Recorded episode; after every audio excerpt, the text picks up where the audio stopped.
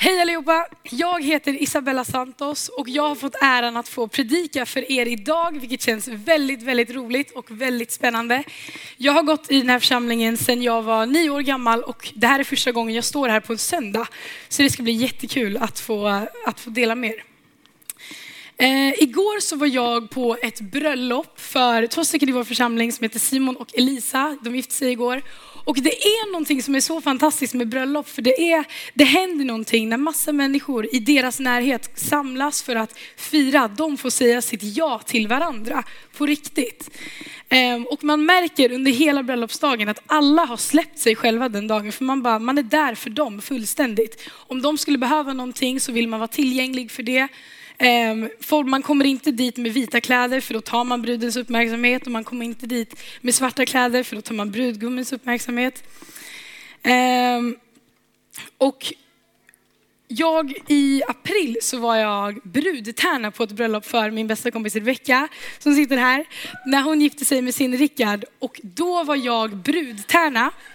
Och Och där snackar vi tillgänglighet på riktigt. För jag var där, vi hade, jag hade varit med lite i så planeringsprocessen och var så mån om att se till så att den här dagen blir den bästa dagen i deras liv för dem. Så Rebecka hade en underkjol och den var, den var liksom inte stor men den var ganska stor. Så det var, det var att hjälpa henne genom dörrpostar, det var att hjälpa henne med släpet så att den skulle se bra ut. När hon skulle gå på toa så var det ett äventyr för då fick man lyfta massa grejer. Eh, men det var, och det kan låta som en väldigt jobbig dag, att man står där och försöker, försöker göra någonting för någon annan. Men det var lätt, alltså lätt en av de bästa dagarna och roligaste dagarna i hela mitt liv. Ehm, och mer om det kommer jag att nämna sen. För idag så kommer jag att prata om att leva i sin kallelse. Och jag har varit lite fram och tillbaka med Eh, med den här titeln, för just kallelse har varit ett ord som har skrämt mig väldigt mycket. Alltså verkligen fram till för typ ett år sedan. För att jag har kopplat det till så mycket prestation och tänker att det finns en kallelse för mitt liv och om jag missar den, då missar jag typ hela mitt syfte i livet. Eh, men nyligen så pratade jag med min mormor om just det här med kallelse och hon sa att det är så viktigt att skilja på vad man gör och vad man är när det kommer till kallelse. Och innan vi då pratar om den kallelsen jag tänker prata om så måste vi prata om den första kallelsen och jag tänker att det är lite som en inre kallelse. Att nummer ett så är du kallad till att vara ett Guds barn. Alltså din existens räcker för att Gud ska älska dig. Gud har älskat dig sedan innan du föddes och innan du föddes kunde du liksom inte ens lyfta ett finger. Och redan då älskade Gud dig. Och det säger så mycket om vem han är och, eh, och att han bara vill leva i gemenskap med oss. Och för att du ska kunna ta dig an nästa kallelse så måste du förstå det. Eh, för jag tänker att den yttre kallelsen är lite som en respons på den inre kallelsen. Att man är så tacksam för vad Gud gör för en och så. Så vi är alla med på att nummer ett, vi är älskade oavsett vad vi gör. Vi är innan vi gör. Då kan vi läsa i Matteus 28, 19 och 20 där vi pratar om den yttre kallelsen. Och det, där står det så här. Gå därför ut till alla folk och gör dem till mina lärjungar. Döp dem i Faderns och Sonens och den helige Andens namn och lär dem att följa allt som jag har befallt er. Och jag ska alltid vara med er ända till tidsålderns slut. Eh, och läser man det här så kan det kännas som världens, världens största uppdrag. Hur ska jag gå ut och göra folk till lärjungar? Hur ska jag döpa dem? Hur ska jag lära dem alla bud som, eh, som Gud har gett oss? Och svaren på alla de här är att är, har Gud. Alltså han har alla svaren på vad du ska göra för att kunna utföra det här. Um, och,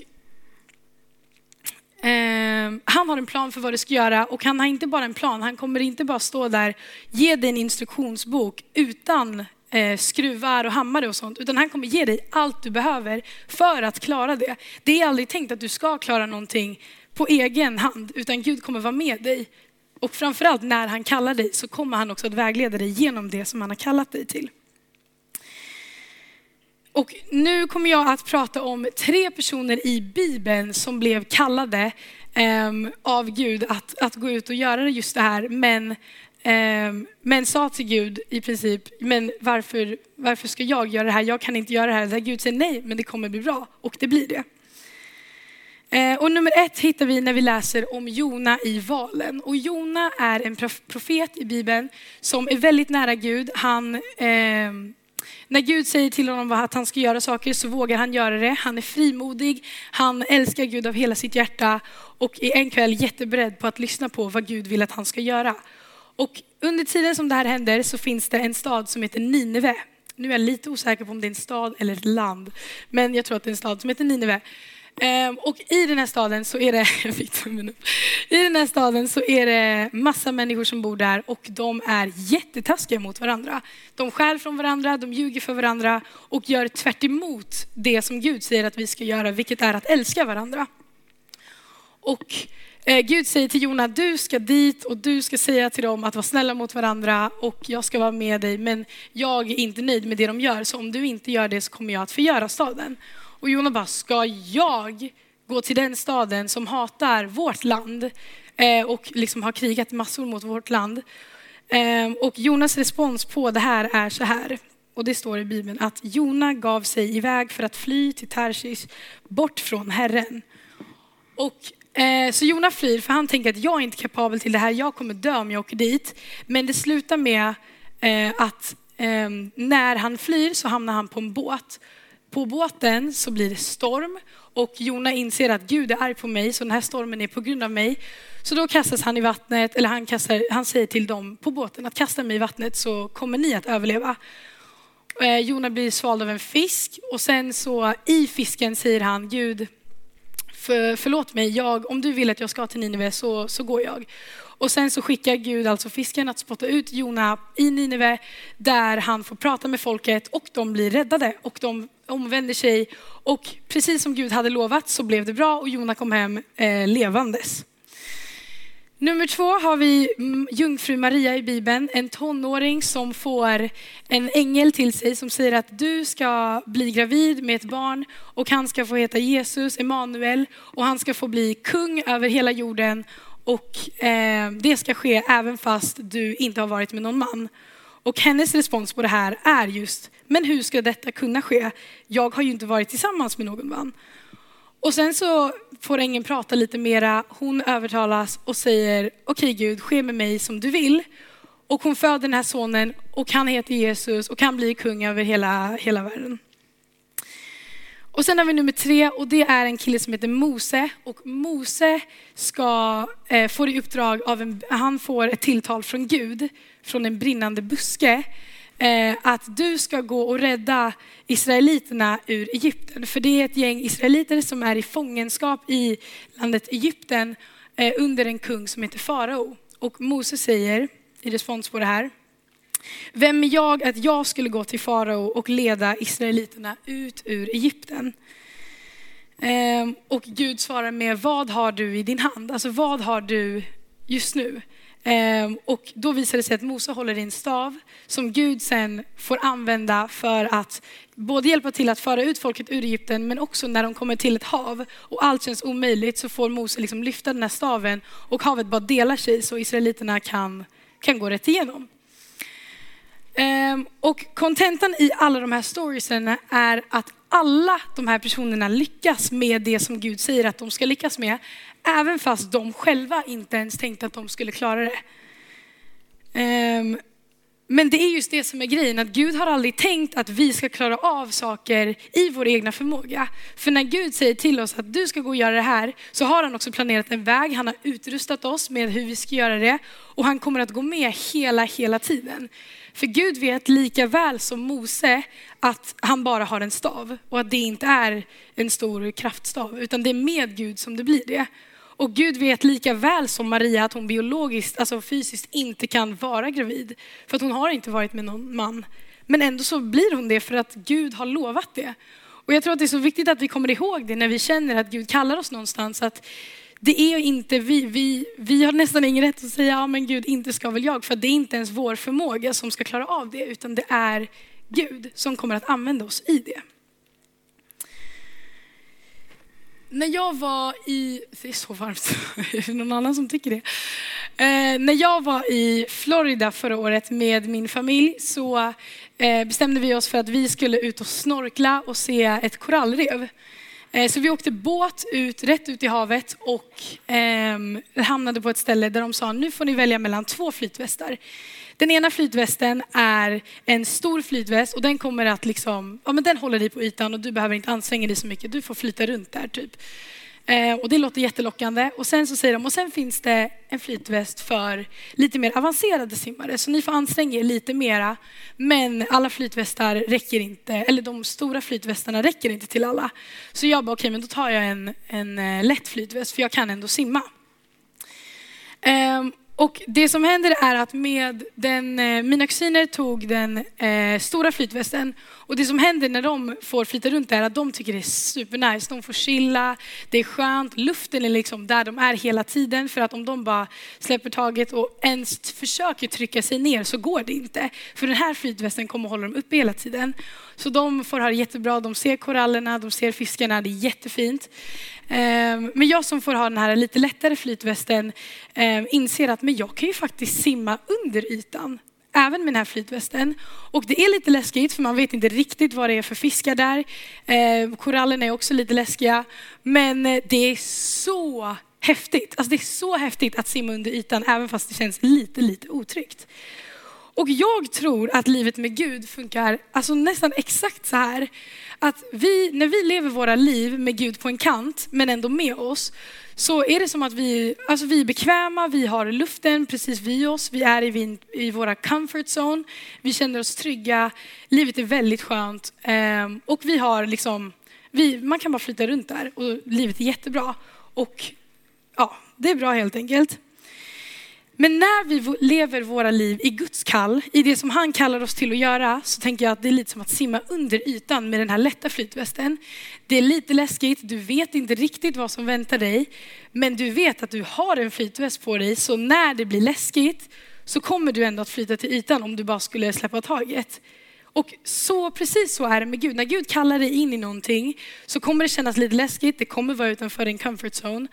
Ehm, men när du behöver som mest hjälp så säger Gud, men jag står ju precis här. Alltså jag, jag hjälper dig. Ehm, och jag tror att det är så viktigt att komma ihåg att även fast du går i Guds kall så har du fortfarande en flytväst på dig. Även fast du simmar under ytan så har du en flytväst på dig.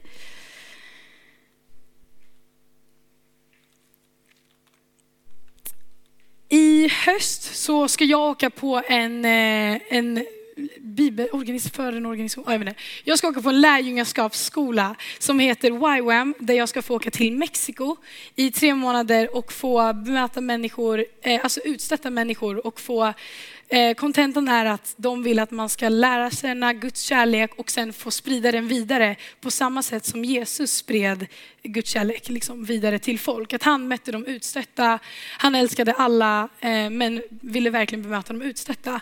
Och det är vad jag kommer få göra i Mexiko och det känns otroligt roligt men också otroligt läskigt för jag vet inte alls vad jag ska vänta mig. Jag har inte fått jättemycket information eh, men det känns också väldigt, väldigt roligt. Eh, för jag tror att precis som när jag simmade under ytan så, så kommer jag få vara med om saker jag aldrig visste att jag kunde vara med om. Jag fick se fiskar som jag aldrig hade sett förut. Jag fick se fiskar som bodde under stenar som jag aldrig hade fått se om jag bara hade stannat på ytan. Eh, och jag tror att man kommer få se mirakler. Jag tror att man kommer få, få förstå Guds kärlek på ett helt annat sätt eh, än vad jag någonsin kan tänka mig nu. Och det är lite som att jag hörde, eller Rebecka som sitter där, hon sa någonting till mig för ett år sedan där jag bara, wow, det här är så häftigt. Och det är att hon sa att eh, just nu känns det som att jag trustfallar på Gud. Och ni vet när någon ska stå bakom och man bara ska lita på att den ska fånga när man faller. Och precis så känns det för mig just nu. Det känns som att jag trustfallar, men jag vet att Gud kommer att fånga mig. Och den förväntan är så otroligt rolig att leva i. Och det här sker ju då för att jag en gång i tiden har sagt till Gud, här är jag, sänd mig. Vad vill du att jag ska göra med mitt liv? Och han har sänt mig. Men jag kan också tala om alla gånger som jag har bett till Gud och sagt, här är jag, sänd mig. Och Gud har sänt mig och jag bara, nej, inte ska väl jag. Varför frågar du mig? Där han står där och bara, men du bad ju om det. Ehm, och och det, så får det vara. Alltså ibland blir det så, men jag vet också att Gud, efter det så har han inte sagt, då kommer jag inte använda dig igen, för du har inte lyssnat på mig. Utan nästa gång du säger, här är jag, sänd mig, så kommer han att göra det. För det var precis det som hände nu när jag bestämde mig för att åka till Mexiko. Att jag kände verkligen att Gud, jag känner att jag lever ett liv där du är på en kant. Jag lever ett väldigt bekvämt liv. Um, och det känns nästan som att jag inte behöver dig så mycket, för jag bara lever mitt liv. Men jag vill känna att jag behöver dig, så sänd mig. Och nu när jag hör mig själv säga det här så är det så här, okej okay, Gud hade kunnat göra vad som helst. Uh, men, men så sa han liksom att jag skulle gå på en bibelskola och jag kände så här, då kände jag, jag vill inte, men om du vill det här Gud, så kör vi. Uh, och nu har det bara växt ännu mer och jag är så otroligt taggad. Ehm, men jag tror också att det inte bara är jag som har sagt till Gud, här är jag, sänd mig. Och när man har fått tillfället så har man inte gått. Och då vill jag inte liksom stå och peka finger mot dig eller någonting sånt. Utan det jag vill säga till dig är att ta chansen att säga, här är jag Gud, sänd mig. Och när han svarar, lita på att det håller. När han säger kanske, ja men jag vill att du ska sluta på ditt jobb. Och sen så kanske du inte får något mer svar. Då får man lita på att det håller. Be över det, för ibland kan det vara en själv som snurrar runt. Men be mycket över det och så kommer Gud att leda dig i det.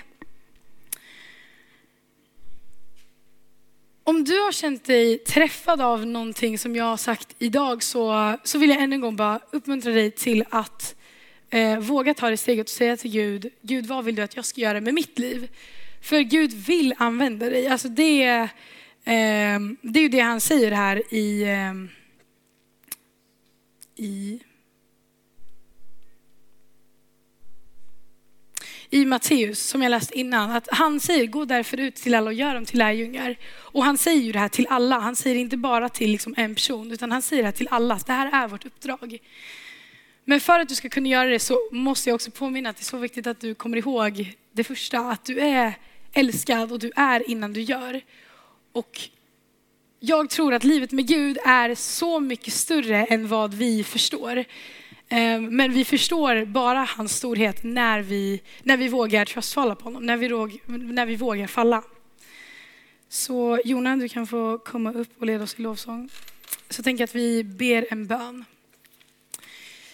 Tack Jesus för att du älskar oss så mycket. Tack för att du har en plan för våra liv och att du älskar oss och att det inte finns någonting vi kan göra för att förändra det.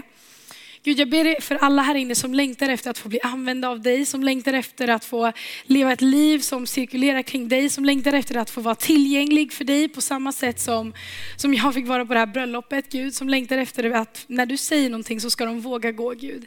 Jag ber dig om frimodighet, jag ber dig om förtröstan i att du alltid håller. För det har du gjort genom alla tider. Tack Jesus för att du är med oss och jag ber dig för att den här gudstjänsten ska få fortsätta vara fantastisk. Amen.